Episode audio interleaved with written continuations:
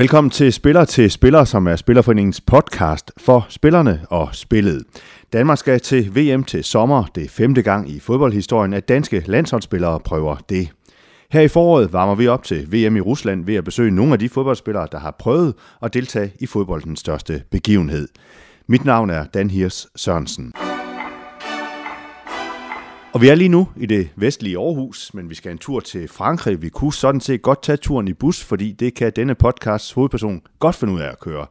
Men vi skal 20 år tilbage i tiden, så Martin Jørgensen, øh, måske er det bedst, at vi bare gør det sådan i erindringen. Og hvad står skarpest i erindringen for dig, når jeg siger VM 1998 i Frankrig?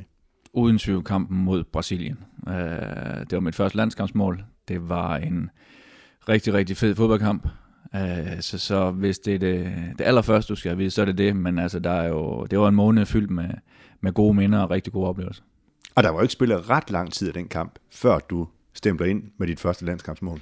Nej, der var spillet 1 minut og 36 sekunder, tror jeg, jeg mener at kunne huske. Så det hurtigste mål, jeg nogensinde har scoret. Uh, så det var jo, altså det var jo uh, ja, toppen af grænsekæren. Jeg var jo lige begyndt at, at spille på landsholdet og havde fået lov til at starte ind i, i alle kampene. Uh, så, så det var jo sådan, det var også det, der gør, at, at VM i 98 for mig er, er og bliver noget helt specielt. Den her kliché her, sådan, men hvad tænkte du der i det øjeblik, du scorer? Oh, jamen, jeg ved ikke, hvad jeg tænkte. Altså, jeg opfangede jo situationen, jeg tror, Michael tog et, et hurtigt frispark til, til Brian, og så var det ligesom, jamen, så galt det om at komme, komme ind i feltet. Uh, og så lå bolden selvfølgelig, hvor den skulle, og jeg fik et rimelig godt træf på den, og så røg den jo i mål. Uh, og så var det jo en eller anden uh, glæde over at have scoret, og så skulle jeg have fat i Thomas Helve, fordi vi har lavet den her sjove jubelscene. Det var noget, vi havde, vi havde tænkt over, så det var faktisk noget af det første, der, der sådan kom i hovedet på mig. Så du ledte lige efter ham. Hvor er han henne? Ja, han var sådan sædvanligt rigtig langt bagefter mig. Men Martin, da du scorede efter 1 minut og 36 sekunder mod Brasilien, selveste Brasilien der, sådan, hvad, hvad tænker du så? Altså, hvad tænker du så, hvad kan det her blive til? Hvad er det, vi lige har gang i nu? Oh, jamen, altså, selvfølgelig har man jo, øh, var vi jo godt tilfredse med at komme foran, øh, men, men ellers så var fokuset tilbage på, på kampen. Vi vidste jo også godt, at der var frygtelig lang tid tilbage, øh, og det var et, et af verdens bedste hold, vi, vi spillede mod. Men vi havde jo fået noget selvtillid fra kampen mod, mod Nigeria, hvor, hvor vi jo havde, havde spillet dem ud af, ud af banen. Så vi havde jo en tro på, at vi godt kunne, kunne slå Brasilien. Øh, det hele skulle selvfølgelig flaske øh, og det så det jo ud til at gøre efter, efter små to minutter. Og det var vel den perfekte start, man kunne på, få på en VM-kvartfinale. Det, jeg tror i hvert fald ikke, den kan, den kan findes bedre, også fordi vi kunne ride videre på den bølge, som vi havde fra Nigeria-kampen, hvor vi også scorede tidligt i, i kampen, så, så det var sådan en, en salvandsindsprøjtning, og måske lidt, lidt mere tro på, at øh, vi, kunne godt, vi kunne godt drille ham, dem her, selvom de jo havde spillere, som var navnemæssigt bedre end vores. Men var I ved at tænke på, så, så, så udvikler kampen sig jo selvfølgelig, og så I kommer bagud 2-1 også, men uh, Brian Laudrup udligner til, uh, til 2-2. Hvad så der, da han udligner? I står altså i en VM-kvartfinale. Er I ved at tænke på, hold da op, kan Danmark lige frem komme frem til, nogle, ja, til noget rigtig stort? Ikke, ikke ned på banen. Altså, der var, der var, vi var mere glade for, at Brian får udligne. Uh, øh, og vi havde en fornemmelse af, at vi var med i kampen, og vi godt kunne øh, vinde den, men, men jeg sige, konsekvenserne af at vinde kampen, det var, det var ikke noget, jeg havde tid til at, at tænke på. Det er godt sket, at, at de mere rutinerede kræfter, de, de var videre i, i tankerne, men, men desværre så, øh, ja, så endte det jo ikke helt, som vi gerne vil have. Nej, det gjorde det ikke, og hvad var det så for en øh, fornemmelse, som, som du stod med så, da, og vi skal nok komme tilbage til, hvordan VM-turneringen den også startede og så videre, komme tilbage til de, de enkelte puljekampe, men hvad var det så for en fornemmelse, du stod med der, da, da det så alligevel ikke lykkedes, da Brasilien ender med at vinde øh, den her kvartfinale? Jamen altså, jeg, jeg var jo et eller andet sted splittet, øh, fordi det var en, en skuffelse at, at ryge ud, øh, fordi kampen havde været så tæt øh, og vi havde været meget, meget tæt på at komme i en VM-semifinale. Øh, på den anden side, så havde vi også spillet lige op med, med Brasilien øh, i en rigtig flot fodboldkamp, øh, og vi havde sluttet VM rigtig, rigtig flot af, så, så det kunne man godt klappe sig selv lidt på skulderen over at have været en, en, en del af. Øh, og personligt har jeg jo fået mit, mit gennembrud på landsholdet og har spillet et par gode kampe til sidst, så, øh, så, så det var, den, var, den var lidt svær øh, lige at, at håndtere bagefter. Øh, Altså, da jeg først kom hjem øh, og så semifinalen, hvor vi kunne have deltaget, der kan jeg huske, at, at, at der blev jeg sådan ramt af, af tomhed og skuffelse over, og måske også erkendelsen af, at, at vi var meget, meget tæt på at, at have stået i den semifinal selv. Hvor mange gange har du scoret det mål mod Brasilien igen? Hvor mange gange har du spillet den kamp igen? jeg har, den har jeg spillet utrolig mange gange, øh, men jeg har faktisk aldrig set kampen efterfølgende fra, fra første til, til sidste minut. Jeg har selvfølgelig set mål i, i klip øh, hundredvis af gange, øh, men, men selve kampen har jeg aldrig taget mig tid til. Hvorfor ikke? Øh, jeg har nok ikke ødelægge de gode minder om, at det var, at det var en god kamp, øh, og vi spillede lige op med Brasilien. Øh, men jeg så nogle, nogle højdepunkter fra den her, den anden der, der kan man da sige, der var der, var der nogle ting, som jeg måske ændrer en lille smule opfattelse af. Jeg synes godt, at Michael har taget det sidste mål. Efter at have set den igen, så kan jeg faktisk godt se, at Rivaldo han, han får rigtig godt træf på den. Så, så, så der er sådan nogle små ting, som, som minderne og hjernen ikke lige kunne huske fra dengang, som man kan se tydeligere nu. Det er 20 år siden jo. Øh, nu når vi så ser og snakker om det, spiller du den så også igen? Scorer du målet igen nu? jeg har scoret det 10 gange, mens vi har snakket om det. Så det var sådan, øh, det var sådan højdepunktet for dig personligt også ved VM. Det var at score efter 1 minut og 36 sekunder ved, øh, ved din første VM-slutrunde i øvrigt også, øh, mod, mod Brasilien i en kvartfinale her. Øh, men hvis vi sådan bladrer tilbage i den her slutrunde, øh, det begynder jo med en kamp mod Saudi-Arabien, som øh, I vinder øh, 1-0 øh, på mål af også en tidligere AGF'er, Mark Riber. Øh, det var vel også den start, som, som I som landshold der havde brug for i sådan en VM-turnering? Ja, det havde vi også, fordi det, de sidste venskabskampe op til VM har ikke været, været gode. Vi tabte mod Kamerun i parken, vi tabte øh, ugen inden øh, 3-0 i, i Malmø mod Sverige, hvor vi bare ja, spillede ud af banen i første halvleg. Vi har tabt til Norge også i, i marts måned, eller april måned, tror jeg det var. Altså, vi har ikke fået de, de gode resultater. Det kan man sige, det var så heldigt for mig, for derfor så blev der plads til mig i startopstillingen. Men kampen mod Saudi-Arabien var jo heller ikke ret godt spillet. Uh, måske præget af lidt, lidt nerver, jeg kan ikke huske så så frygtelig meget for kampen ud, og jeg brændte en chance i, i første halvleg, og, og Mark Riber var efter mig i, i anden halvleg, da vi førte den, fordi jeg gik og humpede lidt. Så han mente, hvis du er skadet, så gå ud. Uh, så, så det er sådan, hvad jeg husker fra den kamp. Uh, men vi var i gang, og vi fik de tre point, som, som vi jo havde regnet og, og håbet med for, for at kunne gå videre. Og de to andre hold i øh, puljen var Sydafrika og Frankrig, og den der uh, kom jo som kamp nummer to, den der vanvidsforestilling mod, mod Sydafrika i virkeligheden. Hvorfor siger jeg vanvidsforestilling? Det var fordi, det var frygtelig varmt, tror jeg. øh, dommeren fik i hvert fald hedeslag øh, og, og, og smed rundt med nogle, nogle røde kort i, i anden halvleg. Øh, ja, tre røde kort faktisk. Øh, Vihorst og Molnar for, for fra Danmark, og så øh, tror det er Piri fra, fra Sydafrika. Ham her, dommeren Rendon her. Øh, hvad, hvad løber man og tænker der ind som spiller der? Det, det, det, så jo, øh, det så jo vanvittigt ud. Ja, jeg kan ikke huske øh, lige præcis, hvad, hvad jeg tænkte på det tidspunkt, men, men jeg tror, man nåede til det punkt, hvor man bare ryster på hovedet øh, og tænker, at jamen, der er jo simpelthen ikke noget. Alle kan jo se, at, at øh, han overreagerer lidt og, og, og, og ikke havde, havde styr på kampen, for det var ikke på nogen måde en, en hårdt spillet kamp, som, som jeg husker det. Øh, så, så det var bare at, at abstrahere fra. Øh, vi havde jo så, kan man sige, det ene point, som, øh, som stillede os fornuftigt inden sidste kamp mod Frankrig. Og som sagt, så var det rigtig, rigtig varmt i, øh, i Toulouse. Vi spillede klokken 3 eller 4 om eftermiddagen. Jeg kan i hvert fald huske, at jeg led i, i varmen. Øh, så, så det galt bare om at få den kamp, kan man sige, spillet færdig, så vi fik det ene point. Ja, kampen ender i lidt, Øh, og så kom øh, sidste gruppekamp, øh, så kom værtsnationen Frankrig, øh, som vi ender med at tabe øh, 2-1 til. Øh, hvad var det for en forestilling? Jamen igen, en varm forestilling i Lyon øh, sidst på, på eftermiddagen mod Frankrigs anden hold, kan jeg vist godt tillade mig at sige. Der var i hvert fald nogle profiler, som, som blev sparet. Øh, taber 2-1. Følte, mm, jeg spillede vist kun lidt over en times tid. Følte ikke rigtig på noget tidspunkt, at vi, at vi havde den store chance i, i den kamp, selv da vi får, får udlignet 1 Michael på straffespark.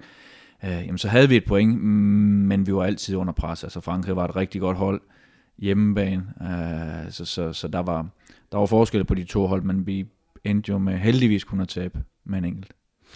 Og så rykker vi op til øh, 8. øh, som jo bliver et sandt festfyrværkeri øh, mod, mod Nigeria. I vinder øh, 4-1. Selv din gode ven fra de gode Italien-dage, Thomas Helve, scorer, så ved man, når man står i sådan en kamp, hvor han scorer, så kan alt ske. Det siger bare det hele. uh, altså, hvis når, hvis når Thomas, dengang han scorede, så, uh, så kunne man jo ikke tabe. Øh, og det var jo også det var en vanvittig kamp. Øh, Nigeria, som vel på et eller andet tidspunkt var de, på det tidspunkt var en af favoritterne til at vinde øh, turneringen, fordi de havde, de havde vundet deres, deres gruppe, og et eller andet sted, så var de måske allerede i kvartfinalen, fordi det var kun Danmark, og vi havde ikke spillet godt. Øh, vi havde vi har humpet lidt igennem, så derfor så, øh, så er jeg helt sikker på, at de undervurderes. os. Men vi fik en eller anden, jeg ved ikke, hvor den kom fra, en tro på, at det kunne godt lade sig gøre.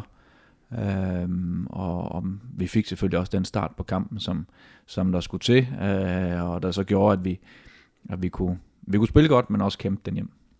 Og det var også den kamp, øh, hvor, hvor det der øh, mange mål er legendariske, men, men det der Ebbe mål er jo også legendarisk, øh, især for den måde, som øh, Michael Laudrup chipper den ind til ham øh, på der, øh, til, øh, til 3-0 var det vist, øh, Ebbe Sand scorer der.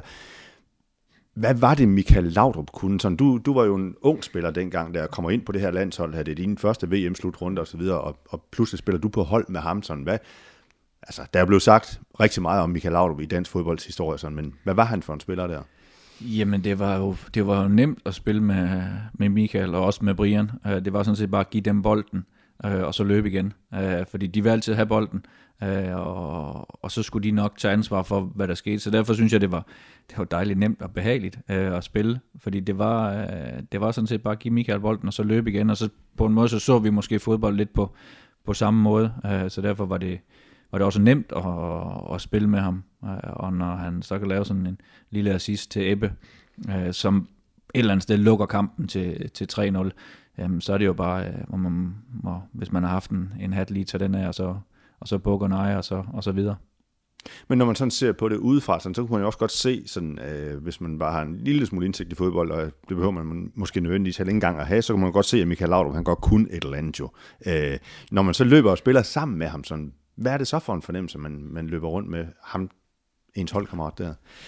Jamen, han er lidt bedre end øh, mange af ens andre holdkammerater. Øh, den, den, øh, den ro, han havde i spillet, det overskud, han havde, uh, det er selvfølgelig en hemmelighed, at han var jo klart bedst, når, når vi havde bolden. Øh, og så måtte vi andre bare løbe det mere, når, når vi ikke havde den, fordi det var jo, det galt jo om at gøre holdet så godt som muligt, og, og udnytte de kvaliteter, vi havde, og en af dem var jo, at at Michael kunne ligge og, og styre spillet, og jeg tror også en årsag til, at vi var så gode mod Nigeria, var jo, at i den kamp blev han flyttet ind lidt mere centralt. I nogle af de første kampe lå han lidt ud til venstre, øh, men han blev flyttet mere ind centralt, og på den måde kunne han også være mere med i spillet og være den dirigent, øh, som vi jo vi har brug for. Så rart at have sådan en, man kan smide bolden hen til. Altid rart. Ærgerligt, han stoppede. Det gør man jo på et eller andet tidspunkt, øh, Martin. Det, det har du jo også gjort. Øh, øh, men der er, jo en, der er jo en første gang for alting. Øh, og, og VM i 98 var din første øh, VM-slutrunde. Du har så prøvet nogle, nogle andre også øh, øh, senere hen. Men er det også den første gang, som står som, som den største oplevelse for dig, når, du, når man sådan taler VM? Ja, øh, klart den største. Øh, både fordi det, det var et gennembrud for mig øh, personligt, Øh, Øh, holdet præsterede jo øh, ja, fantastisk, øh, og vi nåede det bedste resultat nogensinde for et dansk landshold til VM. Øh, det sted, vi boede, var godt. Øh, Bo Johansson gav os den, ja, den frihed, som han mente, vi kunne, øh, vi kunne håndtere. Øh, så, så der var tid til at, og, og ligge ved swimmingpoolen og, og tage sol, læse bøger, der var nogen, der kunne spille golf. Øh, så, så, så det var, så jeg har nogle gange sagt, at det er den bedst betalte ferie, jeg nogensinde har haft, og det vil jeg sådan set holde fast i, fordi det, det føltes ikke på noget tidspunkt, som om, at vi var, vi var lukket ind øh, 30 dage i en træningslejr.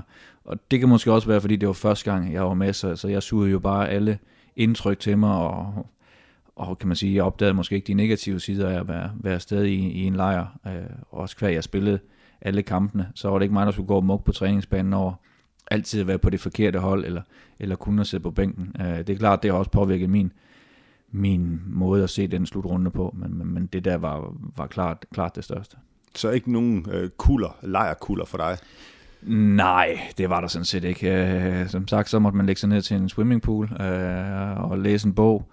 Uh, og, og vi måtte, jeg kan huske, vi måtte have en, en time i solen uh, om dagen da vi har været der i et par uger eller tre, så kunne jeg da ligge dernede en, en, en hel eftermiddag, øh, mens der var nogle andre, der var ude og spille golf. Øh, men, men altså Bosse, han stolede på, at vi, øh, vi har styr på det, og, og, og det må vi sige med, med de resultater, og det, der blev præsteret på træningsbanen, jamen, så viste vi jo, at vi godt kunne finde ud af det.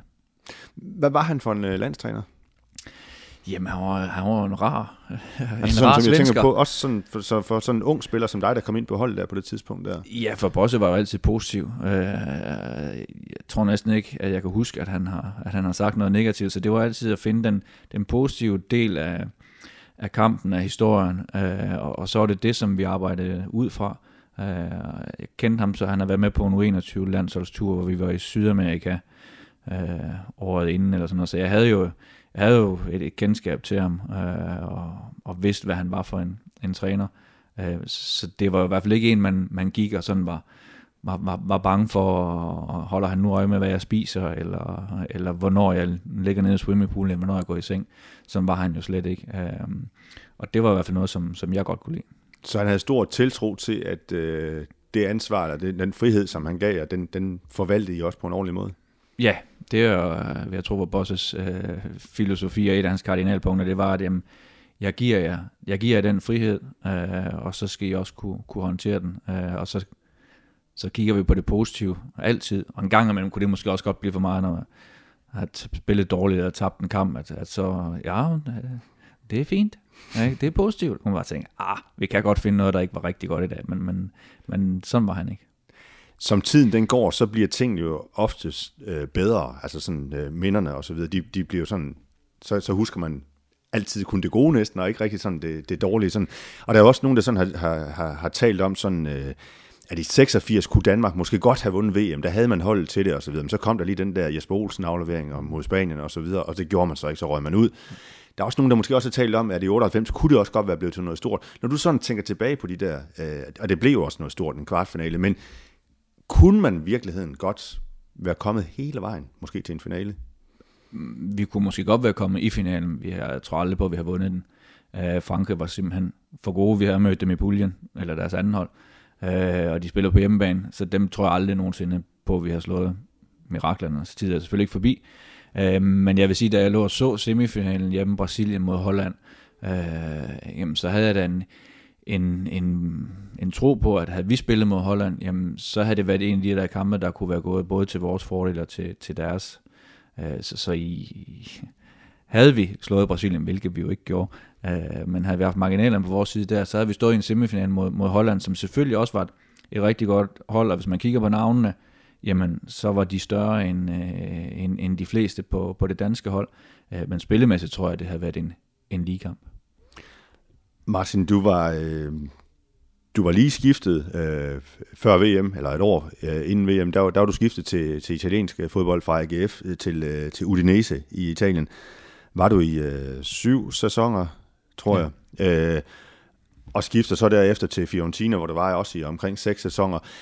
Hvad var det med dig, og hvis nu vi lige sådan hopper ud af, af VM-mode her, hvad var det med dig og Italien, der, der passede så godt sammen, siden du blev der i, i 13 år?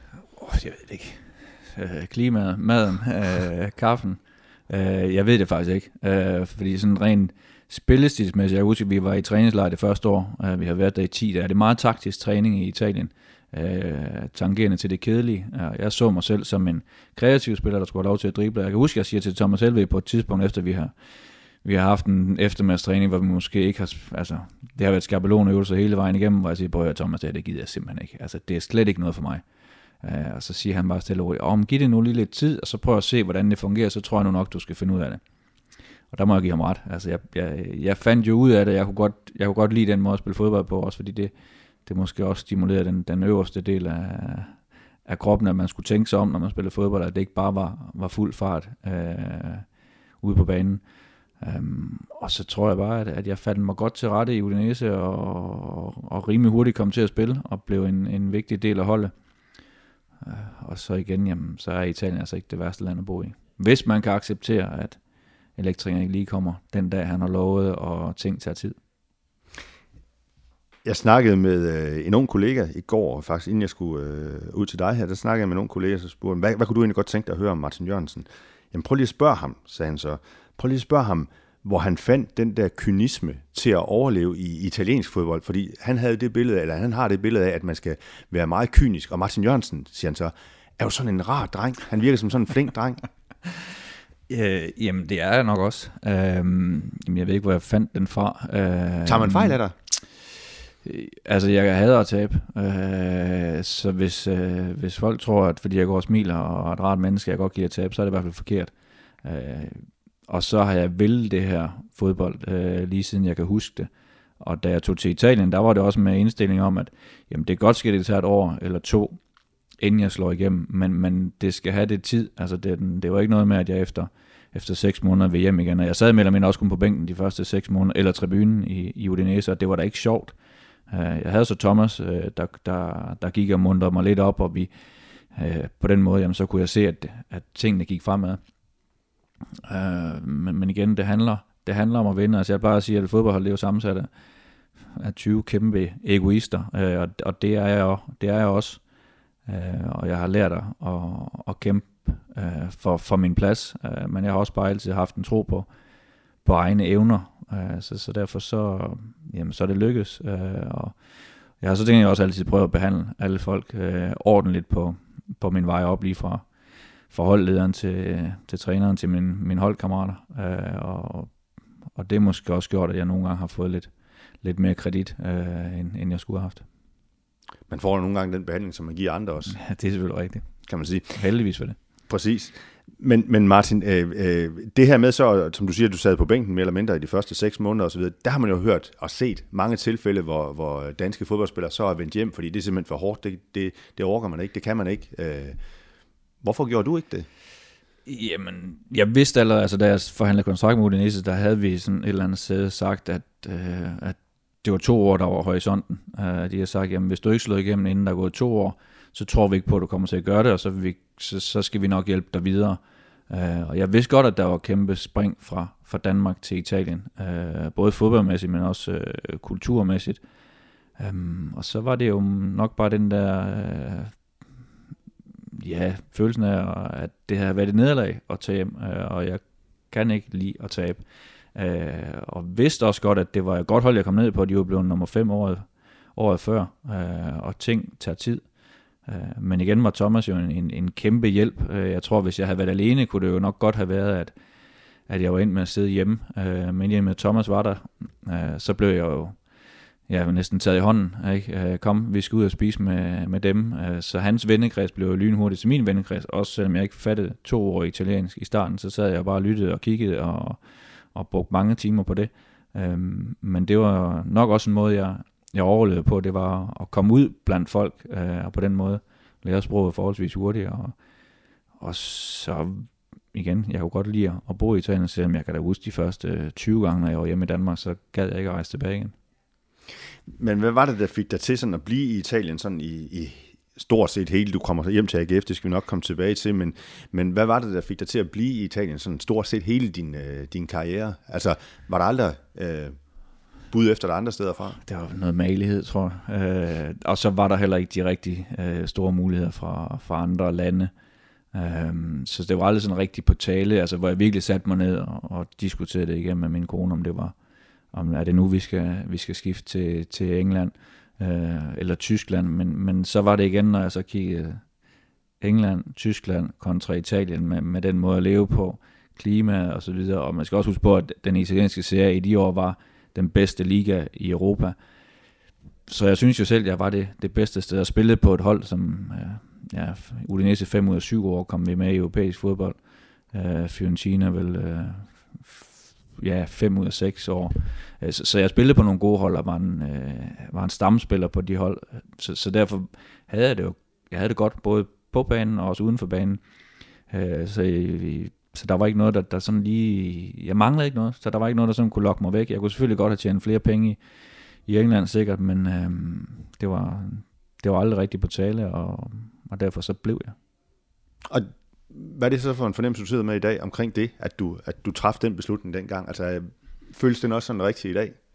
Ja, det gør den. Uh, man kan sige, uh, skulle jeg være taget hjem til AGF, eller skulle jeg bare have taget uh, to år til USA eller til Dubai og, og gået på gået på fodboldpension på den måde. Uh, jeg kan huske min sidste træner i Fiorentina, Prandelli, da vi på et tidspunkt kommer til at snakke om det, uh, hvor jeg nævner det for ham, så siger han bare, det kommer du aldrig til, det er du ikke typen på. Uh, det vil du ikke kunne det vil du ikke kunne leve med at være fodboldturist i et eller andet land. Øh, og det må Hvorfor jeg sige. Jamen nok fordi jeg kunne se øh, på banen, at, at, at jeg ikke gjorde tingene halvt, altså tingene skulle gøres ordentligt. Um, og det har, man sige, det har jeg også altid, altid gjort. Altså var det 10 gentagelser, så var det 10 gentagelser, så var det ikke 9.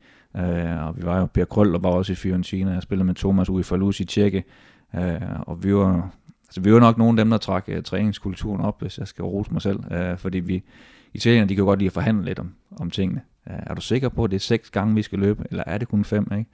Og for os var det bare, jamen der blev sagt seks, så er det jo bare seks. Uh, så, Hvor har du den uh, selvdisciplin fra?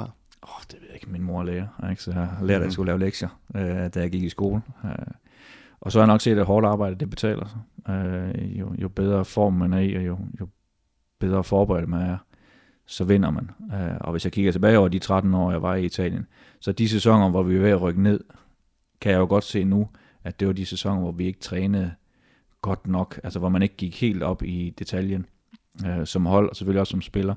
Uh, så derfor så kan jeg jo i hvert fald se, at, at det med at gå ned i detaljen og bruge lidt ekstra tid ud af banen, det, det betaler sig bare i sidste ende. Er du også sådan som, som menneske? Altså er du også sådan i dag, efter fodboldkarrieren? Mm, nej, jeg ved ikke. Det, nogle ting er jeg nok, øh, men, men altså, jeg roder der derhjemme, hvis du spørger min kone. Så du nyder også lidt, at den der øh, øh, stringente fodboldverden, at, at på en måde at være, være kommet ud af den så, eller hvad? Og have fået nogle andre friheder?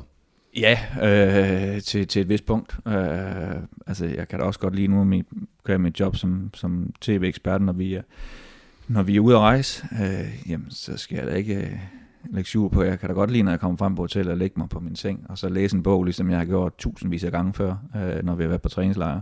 Så, så det ligger jo dybt i mig, nogle af de der vaner, at det er sådan, man gør. Øh, men man er da også begyndt at huske på at gå ud og og, og se den by, jeg, jeg ender i, for det er jo ikke mig, der skal spille om aftenen, så selvom jeg har travet rundt i byen, så kan jeg jo godt komme til en fodboldkamp. Overvejede du efter øh, øh, karrieren, den forlængede du så ved at tage hjem til, til AGF, det ved jeg godt, men, men overvejede du nogensinde at slå dig ned i Italien? Altså var du blevet så meget italiener, eller er du stadigvæk øh, drengen ude for Ryomgård? Jeg er stadigvæk jyde.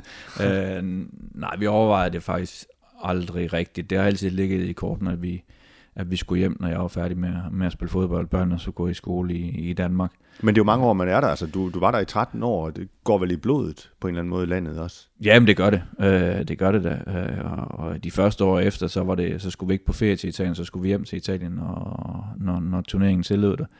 Um, vores ældste datter talte kun italiensk, da vi kom hjem, der var hun knap tre. Um, så, så vi er jo tæt på at være, være halv italienere, men, men jeg tror, det der med at lige komme hjem til AGF og spille, Øh, det, var, det var også det, jeg skulle. Øh, ja, hvorfor så, gjorde du det? Jamen, jeg skulle med til VM i 2010, øh, og så skulle jeg spille lidt mere, og, og så fik jeg muligheden for at spille i, spille i AGF. Min kontrakt i Fiorentina vil ikke blive forlænget øh, i sommeren 2010, så det var sådan set bare at gøre det et, et halvt år før, for jeg havde også besluttet mig for, at, at når jeg var færdig i Fiorentina, var jeg færdig i, i Italien. Jeg havde ikke lyst til at spille et år i Empoli eller et andet midterhold, øh, nu når jeg har været så godt forventet i så mange år. Øh, så derfor så, så lå det lidt i korten at sige, selvom jeg har haft par nedrykninger med AGF, så, så har jeg aldrig fortrudt, at jeg tog hjem. Nej, men, men, men overvejer du alligevel, at er det nu også en god idé at tage hjem til dansk fodbold? Fordi jeg har skabt mig det navn her, jeg har været med alligevel til to VM-slutrunder, og jeg har så også mange landskampe. Øhm, så øh, var der noget, øh, hvad var der at miste? Tænkte du på det? Mm, nej, det gjorde jeg faktisk ikke, fordi der var noget at vinde, og det var at komme med til, til VM i 2010. Uh, øh, jeg tror, jeg var kommet med alligevel, selvom jeg var blevet, blevet siddende på, meget på bænken i Fiorentina, men jeg var nok ikke kommet til at spille så meget, som jeg havde, som jeg havde håbet på. Det var i hvert fald det, som, som Morten Olsen sagde til mig. Uh, altså derfor var beslutningen forholdsvis nem. Uh, og det med pres og forventninger, uh, da jeg kom hjem, jeg fik det spørgsmål 20.000 gange, Øhm, men igen, jeg forventede ikke noget. Jeg kendte ikke Superligaen. Jeg vidste ikke rigtig, hvad niveau det var på. Og forventningerne til mig øh, og mit ry og renommé og så videre, jamen, det var noget, som folk lagde på udefra. Det var ikke noget, jeg selv gik og brugte, brugte tid på. Jeg skulle hjem og spille fodbold og, og hjælpe AGF til at, at rykke ned, åbenbart. Øhm, øh, og, og, og så gøre det, som, som jeg nu har gjort i, ja, i 13 år inde i Italien, øh, det bedste jeg kunne for, at, at at jeg skulle præstere, og holdet skulle præstere. Er du klubmand, Martin Jørgensen? Altså sådan, jeg tænker, fordi du, du spillede i AGF, inden du så skiftede til italiensk fodbold, er øh, syv år i øh, Udinese, seks år bagefter i Fiorentina. Øh, det er jo lange ophold, og du kommer hjem til AGF også, hjerteklubben igen. Kommer du hjem til der, som du siger? Altså, er du sådan en klubmand? Det ved jeg ikke. Jeg ja, måske lidt, lidt uh, tryghedsnarkoman i, uh, i nogle sammenhæng. Uh, jeg kan godt lide og, og, altså jeg kan godt lide at have det godt der, hvor jeg er. Øh, kende de mennesker, Øh, har også skabt mig en, en forholdsvis stor vennekreds i, i Udine og, og i Firenze. Øh, og så var det lidt ligesom at skulle hjem til Danmark i en alder af, af 34, jamen, hvor kunne jeg, hvor kunne jeg komme hen? Øh, jeg tror ikke, FCK var, var aktuelt for mig på det tidspunkt. Øh, jamen, så havde jeg vist været så dum at sige på et interview, hvis jeg nogensinde kom hjem til Danmark, så var det kun ikke efter og aktuelt, og så måtte jeg holde ved det. Men familien boede her, øh, rødderne var her, øh, så, så jeg kunne ikke se mig spille i, i, i andre klubber i Danmark end, end AGF. Martin Jørgensen, fortæl lige, øh, øh, hvor vi sidder og hvad du laver. Altså, de fleste ved jo godt, at du er ekspertkommentator på, øh, på Viasat, det har du også lige fortalt. Øh, men det nøjes du ikke med. Vi sidder her i det, i det vestlige Aarhus i dag. Vi er sidder inde på et lille øh, kontor her, hvor, hvor jeg kan se et verdenskort og så videre. Øh, og så står der noget med, med på, på nogle øh, plancher, der står der noget med fodbold, der står noget med nogle billetter, og der står noget med bøf og øl og hotel og så videre. øh, og en konkurrence ja, du i må bussen. Godt, du må godt komme med. Jeg må godt komme med. ja, jamen, jeg har jo øh, jeg har overtaget familierejsebureauet, øh, som hedder De Grå Busser, som øh, er grupperejsebureau til fortrinsvis øh, pensionistforeninger, ældresagsforeninger, noget min far startede tilbage i, i 71. Jamen, så er jeg også ved at være den alder nu. Ja, det er lige præcis. Ja. Men, men det, du lige læste op, det er, det er noget nyt, jeg starter ud med nu her i, i foråret, lancerer noget nyt, der kommer til at hedde My Way Travel, hvor det netop er... Um, af fodboldrejser øh, og virksomhedsrejser, som vi, vi prøver at gå i gang med, netop for at kunne bruge nogle af alle de kontakter, som jeg har inden for fodboldens verden, og, og også fordi jeg synes jo, at, at fodbold stadigvæk er, er noget af det, det sjoveste og mest spændende, man kan give sig i kast med, og hvis jeg så samtidig kan forene det med, med at have et rejsebureau, øh, og så, så, så er det godt. Øh, og, og nogle af turene er, er myndet på øh, jeg må sige, far og, og fodboldspillere, altså en deres tur til Hamburg, hvor, hvor man bare kommer ned og ser en fodboldkamp. Øh, så jeg giver nogle af de ting videre, som jeg oplevede som, som barn. Nogle af de minder, som jeg har dengang, hvor, hvor det var min far, der, der kørte bussen, og, og vi skulle til fodbold. Øh, så, så det prøver jeg at give videre, så må vi se, om det er om der er mange andre, der, der synes, det er sjovt, eller det kun er mig. Hvad er det, det giver dig at, øh, at arbejde her i, i, øh, i jeres familieforetagende, de grå busser? Altså, hvor jeg tænker, har du ikke tjent så mange penge, du kunne bare lægge dig hjem på sofaen, og så, eller gå ud og spille golf, eller hvad du nu kunne? Om, jeg, nu spille, øh, jeg har aldrig lært at spille golf. Øh, og jeg vil sige, hvis jeg i Jernfødstegn kun havde mit, øh, mit tv-job, jamen, så tror jeg, jeg begyndte at grave huller ud i, ud i haven, når der var gået to uger. Øh, jeg kan... Jeg kan ikke rigtig sidde stille. Jeg skal have noget at, noget at lave. Øh, jeg kan godt lide at cykle, så jeg kunne måske begynde at cykle 5 timer om dagen. Jeg øh, skal få også ned og køre noget løb i Frankrig for Skleroseforeningen her i, i juni måned, så nu er jeg i gang med at træne igen. Øh, så, så det handler lige så meget om at få, have noget fornuftigt at lave. Øh, ikke at dem, der kun spiller golf, det ikke er fornuftigt, man skal gøre det, man, man har lyst til. Øh, men nu har jeg, jeg er vokset op i rejsebureauet. Jeg kørte jo også noget bus, inden jeg, inden jeg tog til Italien. Jeg har altid arbejdet nede på, på kontoret ved min far og vasket busser. Så, så det er en del af, det er også en del af mig. Øh, så derfor så, så har jeg muligheden for at, at gøre det nu og, og prøve det af. Og sige, nogle gange, jamen, så arbejder jeg også alt for meget, men, men det er jo igen noget, som, noget nyt, noget der er spændende, øh, og, og så er det også lidt med fodbold at gøre.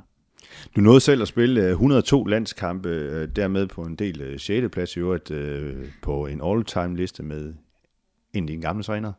Ja, det var derfor, jeg ikke fik flere. Morten Olsen. Præcis. Man hører jo tit spillere sige, at, at det er det største at repræsentere sit land. Havde du det også sådan i, i dine 102 landskampe? Jeg kan ikke love, at jeg havde det i alle 102 landskampe. Øh, men jeg glædede mig hver eneste gang, der var en landskamp. Øh, netop for at, øh, at komme hjem øh, og spille den landskamp og være sammen med min, mine landsholdskammerater, nogen som jeg har spillet ungdomsfodbold med også, øh, og, og, og vi havde det som frirum at komme hjem og spille, spille landskampe. Øh, det er ikke altid min klubtræner synes, at det var det, det fedeste, at vi, vi rejste hjem. Øh, jeg fik jo altid en besked med, at nu skal du kun lige spille en halvleg, fordi vi skal huske at spille, øh, vi skal spille på søndag og sådan noget. Ikke? Jeg glemte hver eneste gang at sige det til Morten eller Bosse, at min træner godt kunne tænke sig, at jeg kunne spille en halvleg, fordi det, det handlede det ikke om. Det handlede om at spille fodbold på landsholdet. Øh, og det var ligegyldigt, om det var en, en venskabskamp eller en, eller en kvalifikationskamp. Dog husk en gang, vi spillede en venskabskamp i Slovenien i, øh, i februar måned, tror jeg. Vi havde med Fiorentina, der vi spillet søndag, onsdag, søndag, onsdag lige siden nytår. Og så var der lige den onsdag, hvor vi kunne holde fri, så skulle vi til Slovenien og spille en træningskamp der kan jeg huske, at jeg sad i pausen, at det, ah, der var godt nok hård. Øhm, fordi vi skulle hjem og spille søndag, onsdag, søndag, onsdag igen.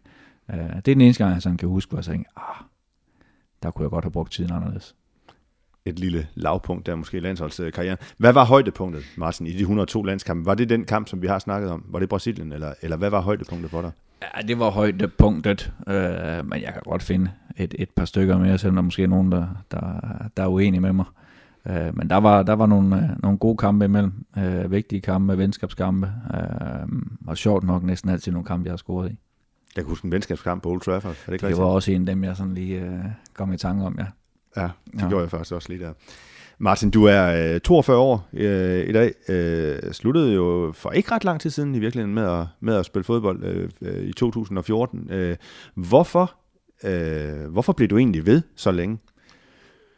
Fordi jeg stadigvæk synes, det var, det var sjovt.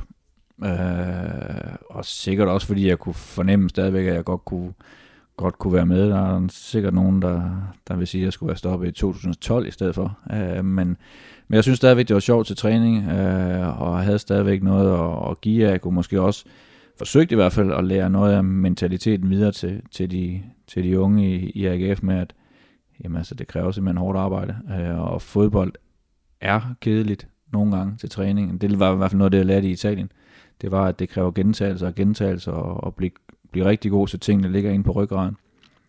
Jeg havde engang en, uh, i Fiorentina spillede med Mutu, rumæneren, som er lidt speciel. Uh, han brokkede sig på et tidspunkt til træneren over, at han synes det var lidt kedeligt. Træninger var lidt kedelige og, og så videre. Og så spørger træneren Plandelli jo bare ud i, i planen om, hvad, hvad er der sjovt ved fodbold?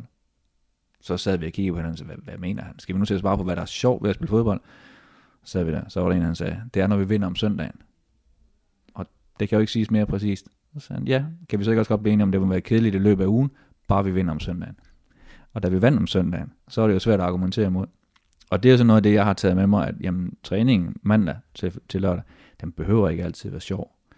Bare den giver det, det, det rigtige øh, output om søndagen, at, at holdet så også vinder. Uh, men, men det var i hvert fald ikke den mentalitet, jeg, jeg, jeg mødte i, i AGF, og, og specielt blandt de yngre spillere, der skulle, der skulle det som regel altid være sjovt, og man skulle altid spille på to mål til en træning, ellers havde det været en, en rigtig dårlig træning. Uh, og jeg kan tælle på, på en finger de gange, vi spillede på to mål til træning i løbet af en uge i Italien. Så det der med at springe over, hvor gæret er lavest, har du lært, at det, det dur ikke i fodbold? Det dur simpelthen ikke i fodbold. Altså det kan gå i en kort periode. Det er lidt ligesom øh, at spille kamp, når man ikke træner, fordi man er småskadet. Det prøvede jeg også på, på egen krop i, i et par år. Det går i en periode, men på et tidspunkt, så, så kan man ikke længere øh, øh, gøre det, som man gerne vil, øh, fordi man rent fysisk ikke er, er klar til det, og man er ikke skarp nok, fordi man ikke træner øh, i løbet af ugen. Og det, det samme er jo med at springe over, hvor gæret laves. Det går den første uge, den første måned, de første tre måneder, men så på et tidspunkt, så, så betaler man regningen. Synes du sådan, og nu skal man jo ikke nødvendigvis generalisere sådan, men er det en tendens, sådan, øh, der er sådan blandt, og nu skal jeg heller ikke sige, at det nødvendigvis kun er unge spillere, der er også gamle spillere, der måske kan have det, den indstilling, men, øh, men er der sådan en, en tendens, eller hvad? Jeg ved ikke, om der er en tendens til det, men, men jeg tror, at lige præcis det er forskellen på dem, som, øh, som når det, det, det næste skridt, øh, og kan man sige, dem, som overlever, når de, når de kommer til udlandet. Øh, det er fordi, de, de godt kan acceptere, at, at det er kedeligt, at det er hårdt, øh, at det ikke altid er sjovt, at træneren ikke altid taler med mig. Øh, jeg talte ikke med min træner øh, de første, de første år i Italien. Jeg talte heller ikke ret meget med ham de sidste syv år. Men, men der var den, den der indbyrdes forståelse og respekt for tingene. Jeg talte med min assistenttræner i stedet for. Jeg fik aldrig en forklaring på, når jeg sad på bænken det var bare sådan, det var. Det var sikkert, fordi ham, der spillede, var bedre, end jeg var. Så, så, så, så det er nogle gange bare at acceptere tingene, som de er, og så, og så klø på, i stedet for altid skal finde en, en forklaring, eller have en forklaring. Så opskriften på at skulle kunne begå sig sådan i udlandet i så, så mange år, som du også gjorde, sådan er at bide tænderne sammen, og så bare knokle på dybest set. Ja, øh, fordi udvalget af gode spillere i udlandet er så stort, øh, så, så hvis du ikke accepterer de præmisser, øh, og hele tiden øh, skal have en forklaring, eller hvis du ikke får det, så, så kommer du til at hænge med, med ørerne, jamen, så finder de jo bare en ny. Øh, så, så, så man kan sige, konkurrencen er så hård, at, at det er du simpelthen nødt til, hvis du vil overleve, med mindre du hedder Messi eller Ronaldo, den har jeg ikke stødt på i Danmark endnu. Og når du blev ved med at spille fodbold så længe, som du så gjorde, øh, så var det ikke nødvendigvis fordi, eller hvad, øh, at, øh, at, at det var angstprovokerende for dig, det liv, som ventede bagefter? Nej, fordi det sidste stykke tid øh, var jeg også begyndt at komme herude på, på kontoret øh, og, og bruge nogle, nogle timer på at, at sætte mig lidt ind i det. Øh, så, så det synes jeg ikke. Øh, det er klart, til sidst, da beslutningen blev truffet, øh, hjalp det der til, øh, at, at AGF sagde, at der var at vi godt kunne finde en, en, øh, en stilling i, i klubben, så jeg trænede u 14-holdet i, i et halvt år efter. Øh, det hjalp da. Øh, Morten Olsen har også den der assistent, assistentrolle havde han også luftet tanken om et halvt år før, så, så der var nogle ting, som jeg vidste, jeg kunne give mig til øh, bagefter. Øh, så, så på den måde, så, så havde jeg jo noget at gå i gang med, lige da jeg, lige da jeg stoppede. Øh, havde jeg ikke haft det, så kunne jeg godt forestille mig, at, at der havde været tomt øh, den dag støvlerne blev sat ind på hylden.